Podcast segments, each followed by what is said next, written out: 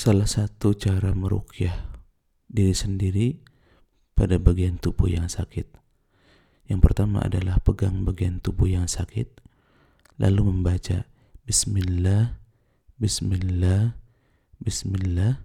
Artinya adalah dengan menyebut nama Allah, kemudian bacakan A'udzu billahi wa qudratihi min syarri ma ajidu wa uhadiru.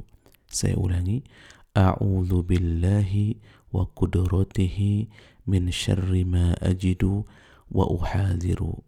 Ini dibaca tujuh kali, yang artinya adalah aku berlindung kepada Allah dan kuasanya dari keburukan yang sedang aku rasakan dan yang aku khawatirkan.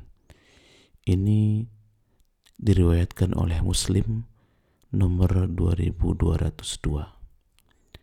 praktekkan ya insyaallah